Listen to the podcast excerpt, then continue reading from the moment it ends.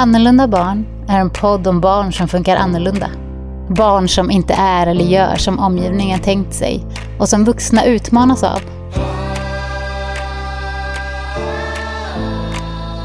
Den här podden är för dig som träffar de här barnen. Kanske är det dina egna, kanske är det andras. Oavsett så finns det sätt att tänka på och saker som kan vara bra att veta eller påminna sig om som gör både din egen och barnens tid här på jorden lite enklare att hantera.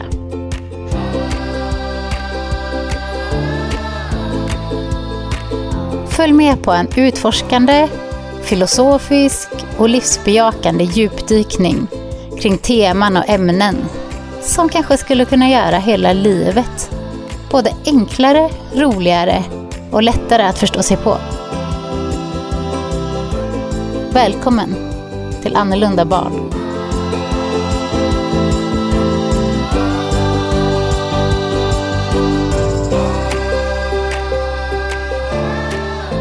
Välkomna till oss tillbaka, tänker jag, efter att jag inte har gjort så många poddavsnitt på ett tag. Så har jag blivit superinspirerad att, inspirerad att göra ett avsnitt tillsammans med Rebecka Kåritz. Eh, för vi har ganska mycket samma intressen och har pratat en del om det här med samtycke och barn och skola. Och det vill vi dela med er. Så välkommen Rebecka, du kan väl presentera dig? Tack så jättemycket Hillevi. Ja, jag heter Rebecka. Jag är född och uppvuxen i Stockholm men har bott i Mexiko i snart 20 år.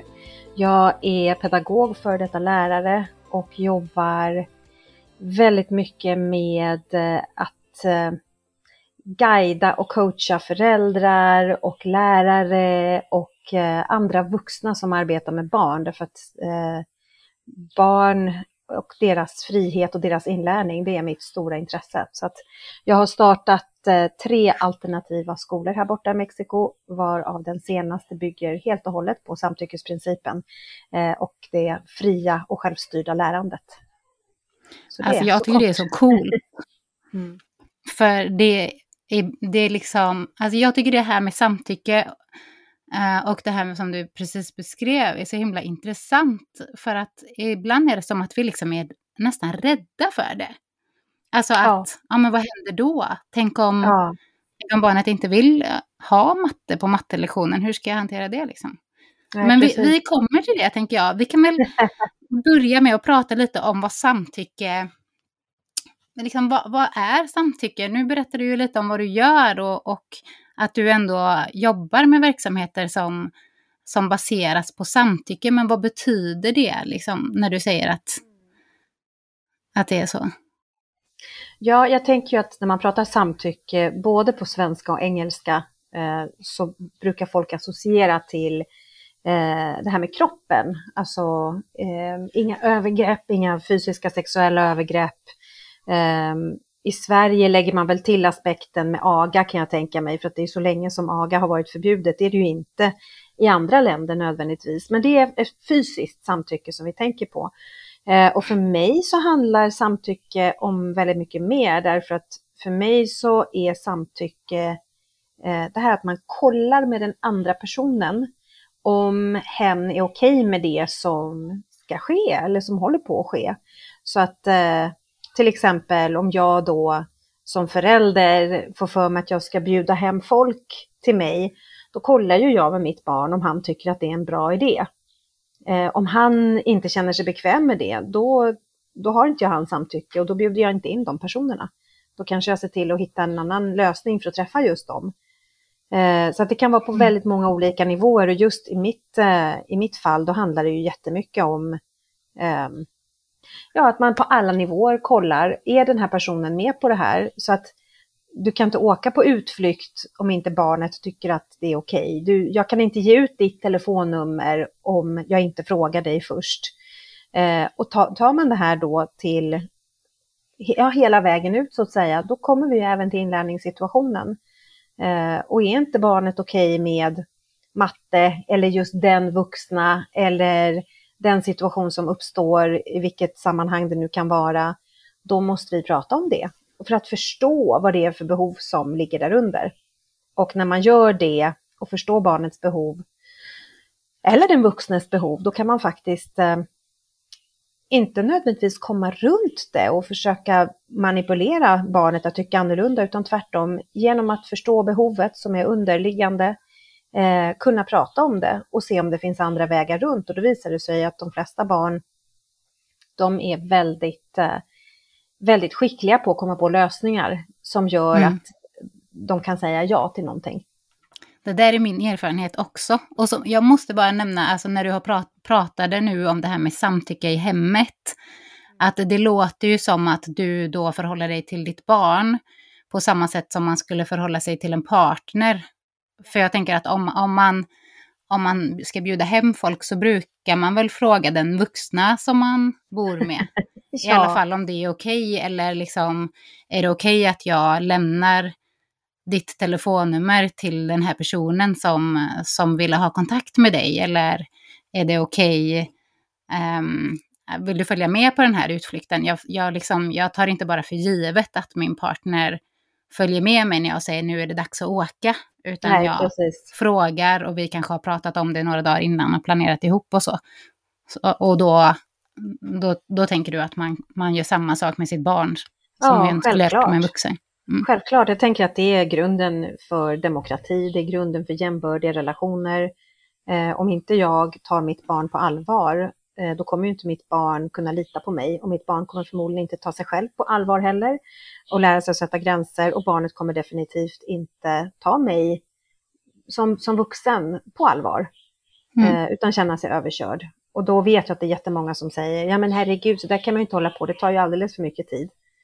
Ja, är det, är det brådska och stress som ska, som ska styra eller är det våra behov?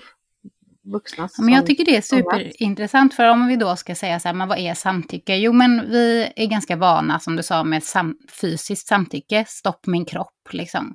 Här går min gräns och vi vill att barn ska, ska på något sätt... Eh, vi pratar om stopp min kropp i förskolan och det här med liksom, ja, fysiskt samtycke. Även om det verkar vara svårt att förstå fortfarande för, för en del människor, så, så är det ändå något. Men här, här vill vi liksom bredda samtycket till att också innefatta andra aspekter av att vara människa på något sätt, eller att, att leva. Vi är ju så mycket mer än bara en fysisk kropp.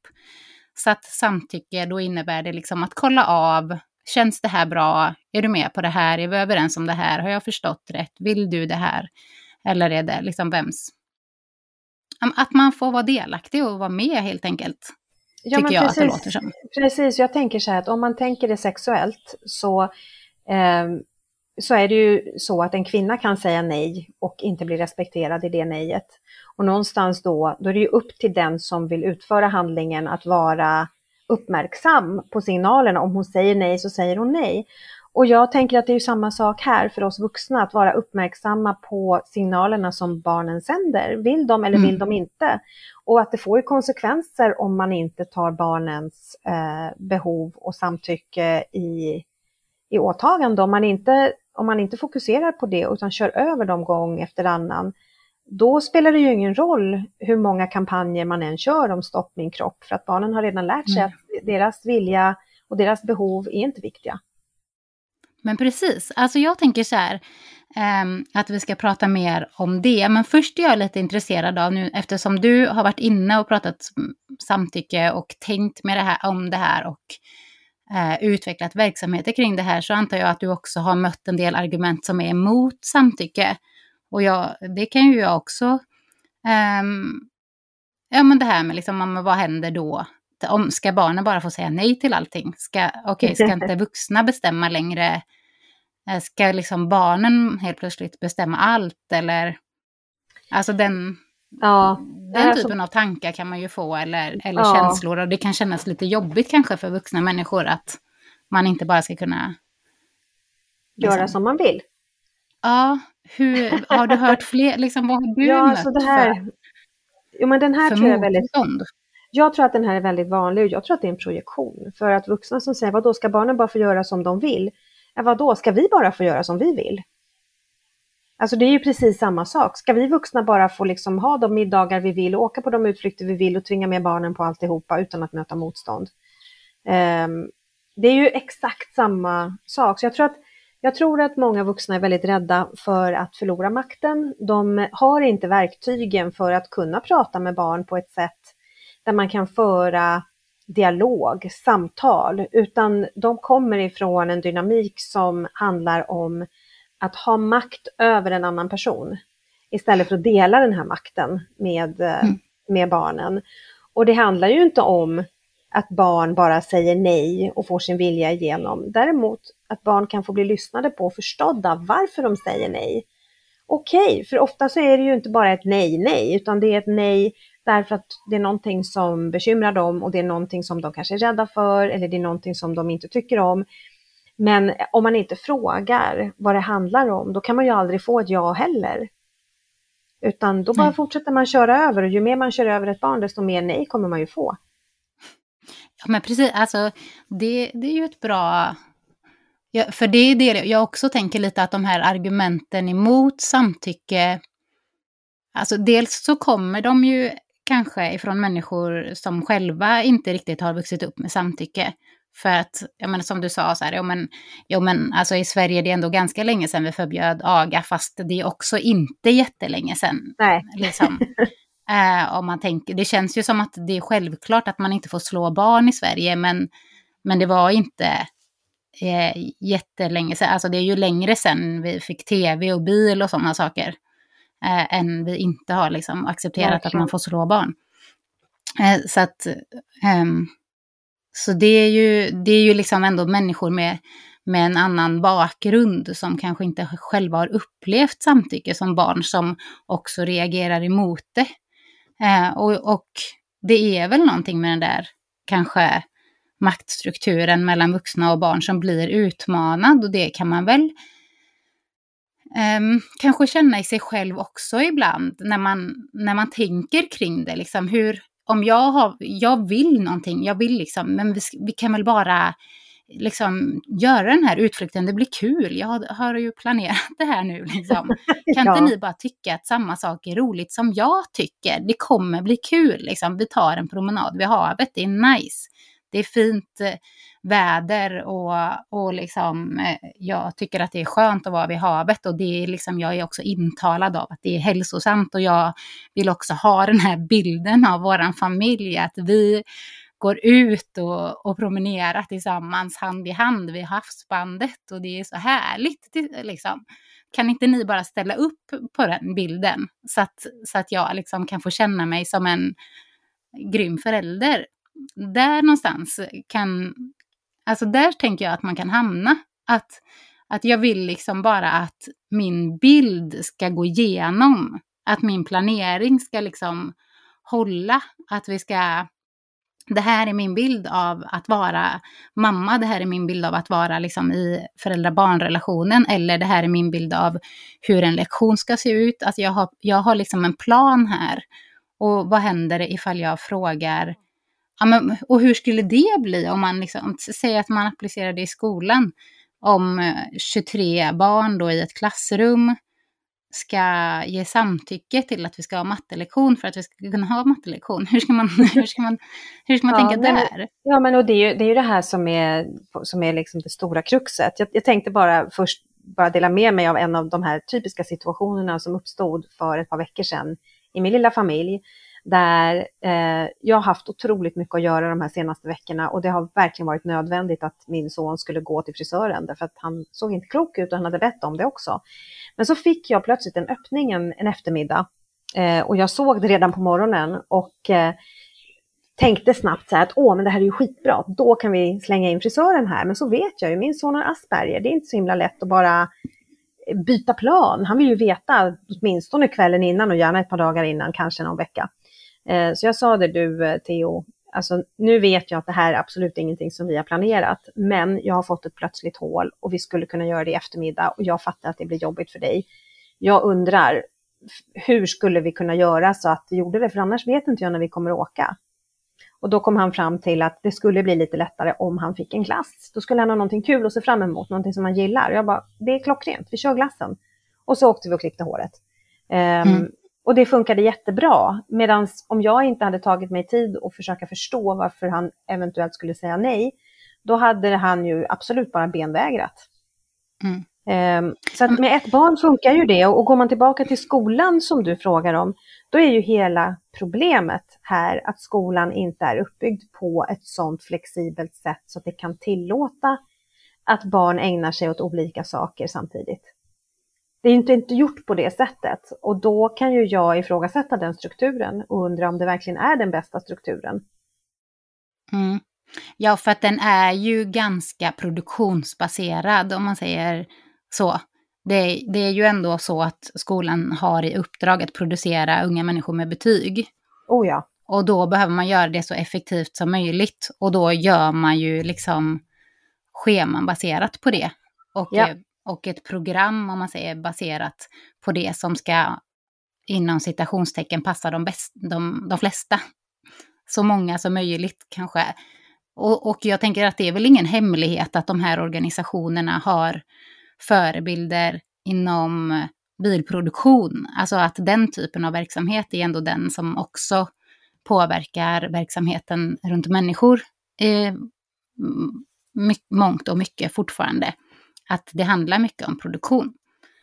Um, ja, det är ju, det är ju om det skulle handla om, välmå, alltså om välmående istället och att liksom, och medvetande och självkännedom och och den typen av, av värden, då kanske man skulle välja ett annat fokus. Det skulle man kanske. Och jag känner ju väldigt stort motstånd. Jag var ju med i massa sådana här skolgrupper tidigare eh, på Facebook, många år sedan nu. Eh, och när jag försökte föreslå andra vägar, då fick jag så otroligt stort mothugg. Eh, att jag orkade faktiskt inte vara med längre. Jag kände att men det här, det är så här, vi som vill förändra svenska skolan, alltså den, jag vet inte om de hette så, men det var typ den typen av där grupper. Och när jag då kom med sånt som skulle kunna förändras så var det bara, nej det där går inte, absolut inte, du vet inte vad du pratar om och så vidare. Och jag vet ju vad jag pratar om. Mm. Ja, du har att, ändå eh, provat också. Jag, jag har provat och jag ser det och jag har sett det som så otroligt mycket så jag vet att det fungerar. Men jag förstår också att det kräver att man gör om hela systemet och det kan man ju fråga sig om folk är redo till. Det är ju en, en byråkratisk, eh, alltså det finns ju en byråkratisk struktur utan dess like kring det här och att då bara vända upp och ner på det, det skulle ju bli ramaskri kan jag tänka mig. Och samtidigt så mm. Ser vi ju att en femtedel av alla som går ut grundskolan har ofullständiga betyg. Så att så som det funkar idag så funkar det i alla fall inte. Och det finns Nej. 70 plus tusen. Inte optimalt. Nej, och det finns över 70 000 eh, skolskadade barn i Sverige, kanske mer. Um, så att någonting bör man ju göra och jag kan tycka själv att varför kan man inte liksom bara tänka om det? Vad är det vi är så rädda för? Ja, man pratar också om att 48 procent av alla unga i högstadiet lider av en, en eh, ganska hög eller hög stress eh, och utvecklar en psykisk, alltså riskerar, hög risk att utveckla en psykisk ohälsa kopplat till det. Um, och de unga reagerar ju faktiskt mot det också. Men och då tänker jag så här, nu har vi pratat lite om argument och vi har pratat liksom lite fram och tillbaka. Vad skulle riskerna kunna bli, vara, eller vad är det jobbiga med sam, samtycke? Ja, men det utmanar oss, tänker jag. Nu är jag en sån person som gillar utmaning. Jag gillar när liksom den här typen av så här, ja men om man gjorde så här, det skapar liksom plats inne i mitt huvud känns det som. Så jag tycker det är väldigt behagligt. Eh, men jag kan respektera att inte alla upplever det så. Men så tänker jag också så här, vad skulle, alltså jag funderar ju mycket över det här med riskerna med att inte använda samtycke. För vi, ja, nu använder vi inte samtycke, eh, till exempel i, i, svensk skola. Det är ju ett tvångsbaserat system. Det, kan ja. vi ju, det, det, står ju i lagen liksom att, att barn har eh, en skyldighet att delta, eller en plikt, skolplikt. Um, och, och så har man tänkt att det behöver vara, och det finns väl i grunden någon form av liksom så här, nej men det ska vara lika för alla och föräldrar ska inte kunna sätta sig emot att barn ska få utbildning och, och, och eventuellt eh, någon liksom tanke om, om rättighetstanke i det. Liksom. Ja. Men så tänker jag att eh, man behöver ju omvärdera de där sakerna ganska ofta för att för att, inte, alltså för att inte tvångssystem ska bli farliga så måste de ju granskas väldigt noga och, och utvärderas väldigt ofta. Och det tänker jag att vi, de här utvärderingarna vågar vi kanske inte riktigt titta på, eller känns inte som att vi respekterar dem, för det är ganska uppenbara utvärderingar att det inte går så himla bra. Och jag, alltså jag tänker mycket på det, för jag, jag jobbar ju också i socialtjänsten eh, Eh, och har utbildat mig mycket kring det här med barns utsatthet i både i nära relation, alltså våld i nära relation, ehm, i familjer och mellan unga, men också eh, sexuella övergrepp och nu senast så var jag på en konferens, digital konferens om sexuella övergrepp på nätet.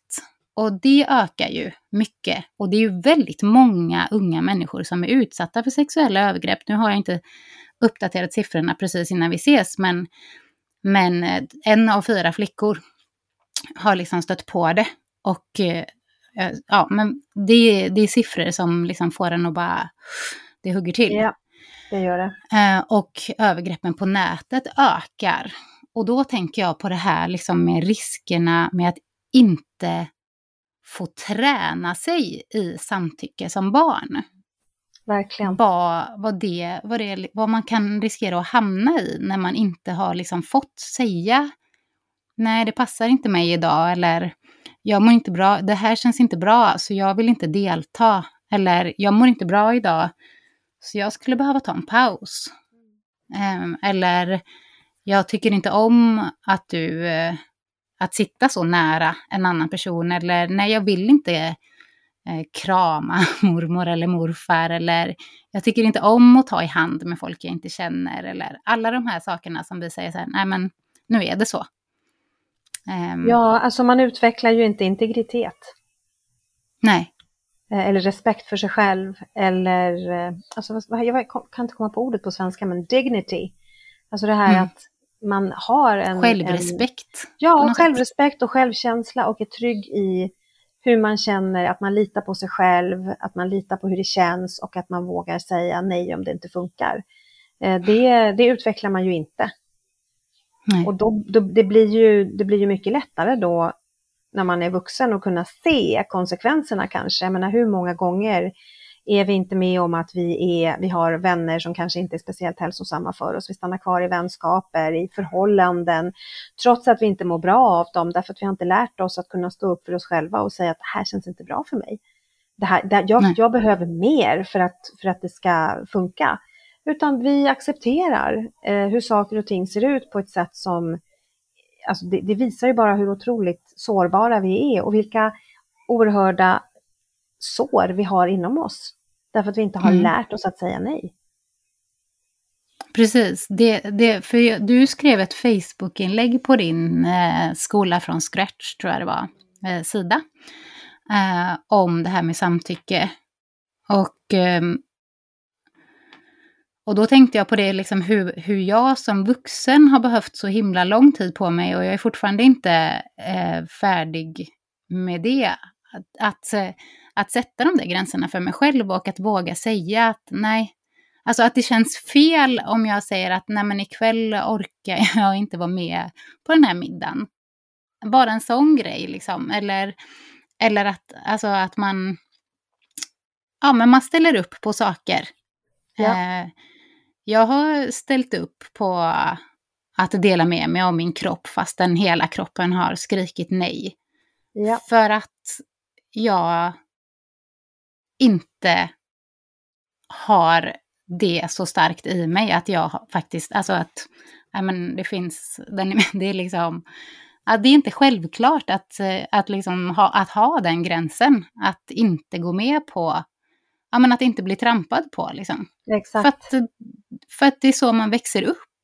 Och, och jag, jag tänker att det handlar ju inte om föräldrars ovilja eller att man vill sina barn någonting illa, utan det handlar just om att alla, alltså att vi har gått igenom det allihopa, så det är ett slags arv vi har, ja, upplever ja, det, vi har, ju, vi har ju vuxit upp i det allihopa och sen fortsätter vi på det därför att vi tror att det är så det måste vara, men vi ser inte konsekvenserna. Det är som att vi ser inte hela, hela bilden, utan vi ser små bitar av det här. Mm. Och så tänker man att ja, ja, men det där är inte så farligt, herregud, man får ju stå ut med lite, lite får man ju tåla. Och lite får man tåla. Så, alltså, det leder ju till att tåla väldigt, väldigt mycket och det tänker jag också på i, eh, i mitt liv, hur många saker som jag har sagt ja till, fastän hela mitt inre bara skrek nej, jag vill inte. För jag har inte vuxit upp med den typen av integritet. Nej. Eh, och, och, så är det ju liksom för alla. Eh, men vi förstår inte det och vi ser inte sambandet heller, utan kommer med den här typen av argument att ja, men barn är så små, de, de, de vet ju inte vad som är bäst för dem, de kan ju inte ta ansvar för sånt här. Och jag blir bara, ja men de måste ju få lära sig. De måste få lära sig att utveckla den förmågan, för vi lärde oss inte. Och nu har vi möjlighet att ge någonting helt annorlunda till dem. Ja, men för jag tycker att ofta att man missar att ställa sig frågan, liksom, ah, men hur blev det då? Alltså med upplägget som vi har haft nu ganska länge. Vi har ju ändå en ganska stor psykisk ohälsa bland vuxna också. Och det här, alltså man går in i väggen, man blir utbränd. Det är en väldigt stor del av den psykiska ohälsan. Ja. Um, och eh, att självmord, ja men självmord både bland unga är ju, är ju den vanligaste dödsorsaken bland unga, eh, men också unga vuxna. Och, och jag tänker att det, det, är väl inte, det blev väl inte jättebra då, måste det Nej. ju kunna finnas sätt, andra sätt man kan testa som, som liksom för oss närmare oss själva och där vi kan kanske uppleva vårt värde på ett annat sätt än vad vi kanske har gjort. För ja. jag upplever ju att, att, man, att man ofta söker värdet utanför sig själv. För att, det, för att man inte har lärt sig att, att det finns, liksom, det är på något sätt okränkbart inuti hela mm. tiden.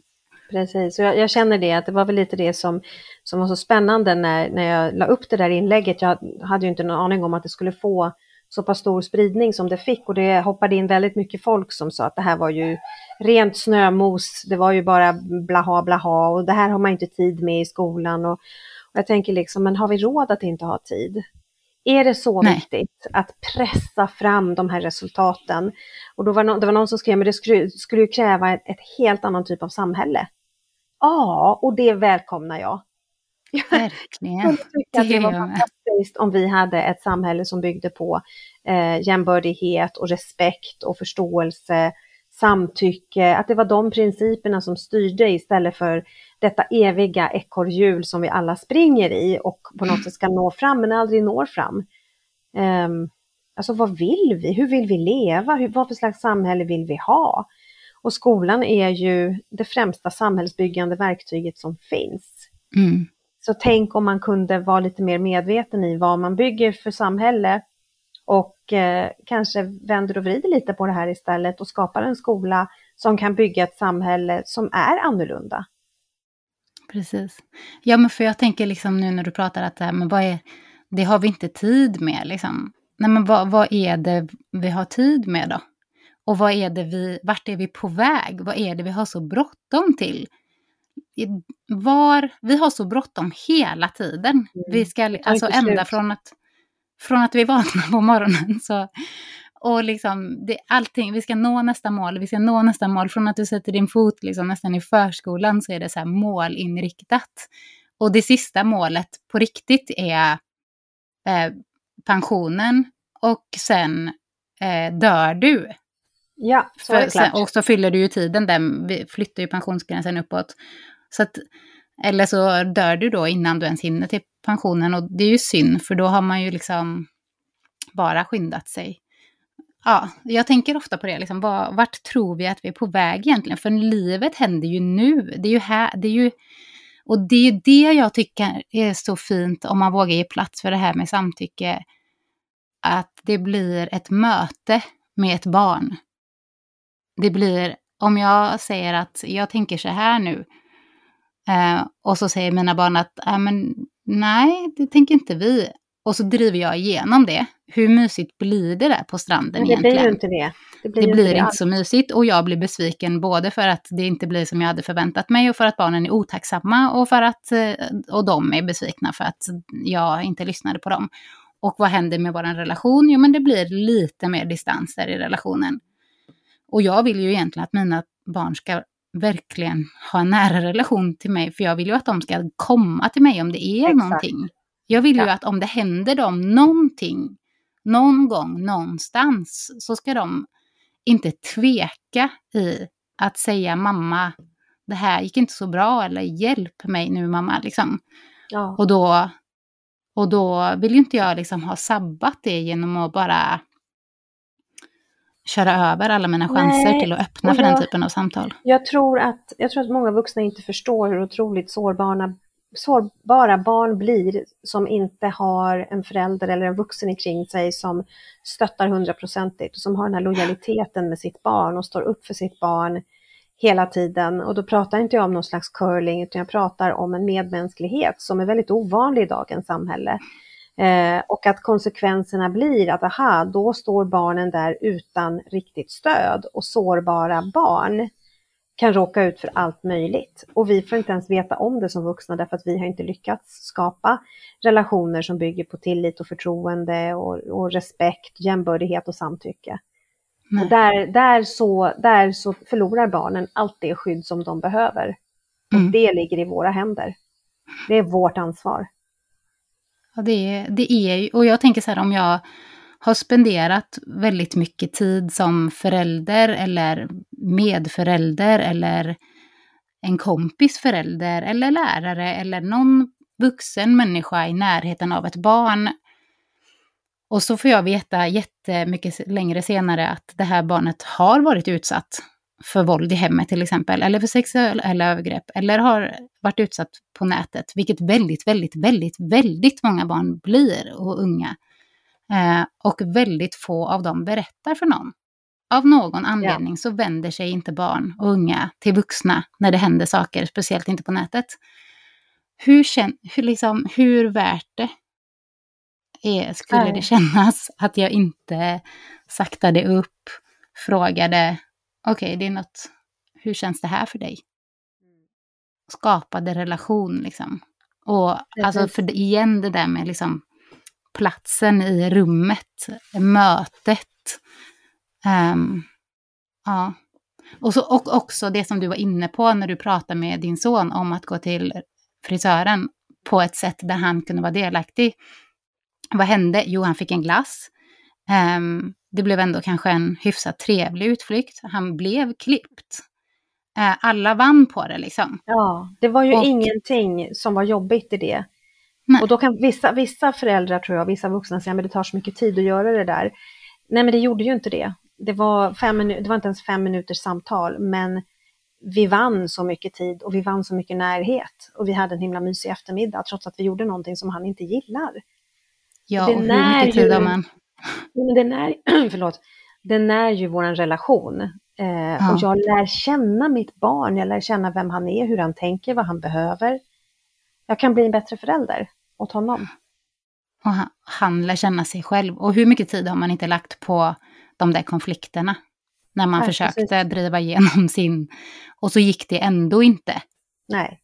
Och då är det ju så att, att i början... Förlåt. Ja, nej, du får.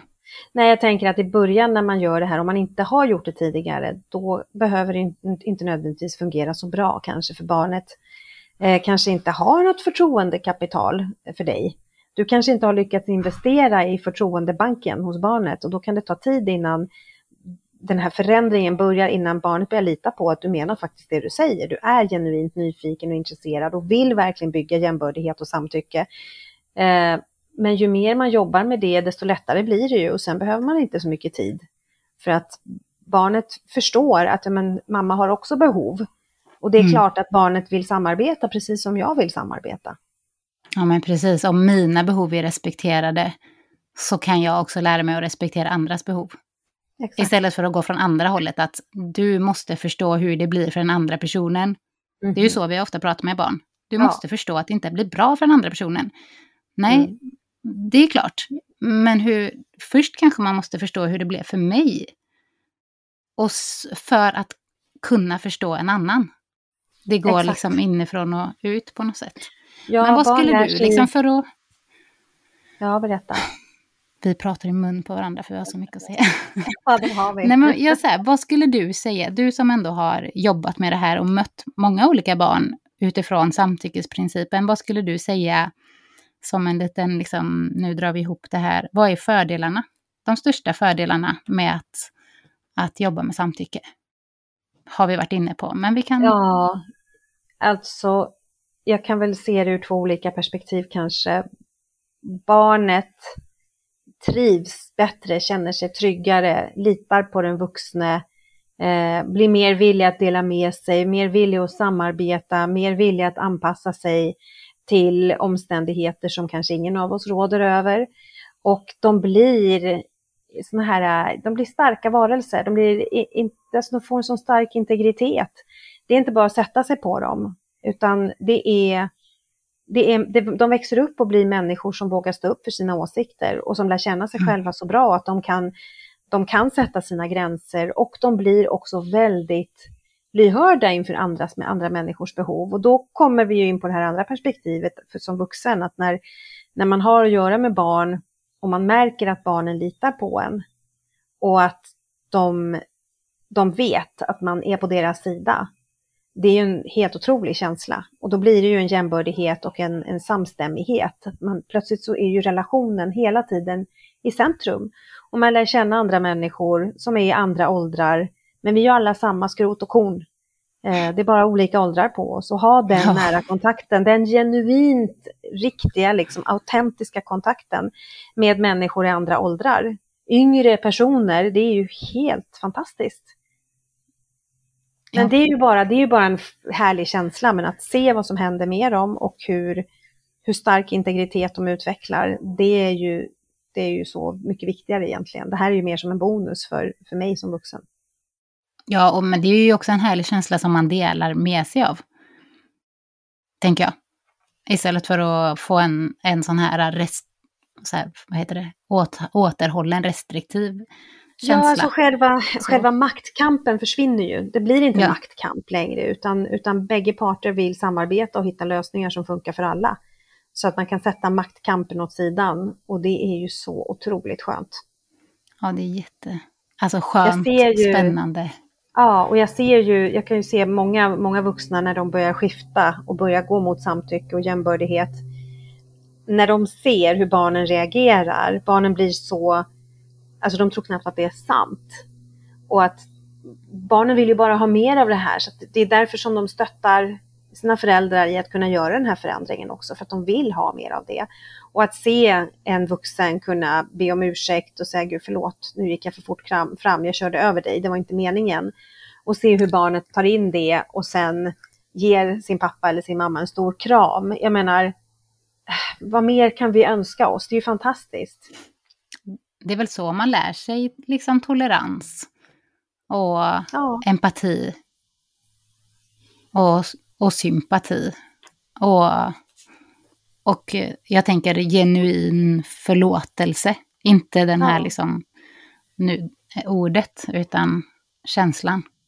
Nej, och jag, tror att det jag förstår här, dig, så då är det okej. Okay. Ja, precis. Jag tror att det viktiga i det här är att förstå att barn gör inte som vi säger, de gör som vi gör.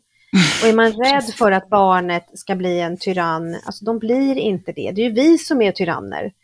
Eh, när vi visar dem respekt, då visar de oss respekt. När vi lyssnar på dem, då lyssnar de på oss. När vi anpassar oss till dem, då lär sig de att anpassa sig till oss. Mm. När vi samarbetar med dem, så samarbetar de med oss. Alltså det, det är ju så enkelt egentligen. Ja, det är Men det. oj så svårt. Men oj så svårt. Alltså Rebecka, vi skulle kunna prata om det här i flera timmar. Ja. Men jag tänker att vi kanske får podda ihop någon mer gång. Det får vi nog um, göra. Ja, för det här är väldigt trevligt. Och jag älskar att vi kan liksom... Dels älskar jag att du samtyckte till att göra det här avsnittet. Och sen så älskar jag att liksom få ha de här samtalen ju om mötet med unga människor och hur man kan liksom genuint eh, ha jämbördiga relationer. Jag tycker, det, jag tycker det är, det kommer i alla fall lämna mig leende resten av kvällen. Åh, vad fint. Jag får vara leende resten av eftermiddagen och kvällen för att jag är sju timmar efter dig. Men... Ja, men precis. Du är i Mexiko. Ja. Jag sitter här och tittar ut genom ett kolsvart fönster med regndroppar på. Oj då, nej, äh, och det gör jag inte har blå du. himmel här utanför. Det är blå himmel, mycket sol och eh, ja, fint. Ja, det är härligt. Jag, mm. ja. Så det kan vara olika. Det kan vara olika. Men eh, vi... Tusen tack Hillevi, det har varit jättefint att prata om det här med dig. Ja, detsamma. Vi, vi gör om det tycker jag. Det gör vi. Mm. Hej då! Hej då!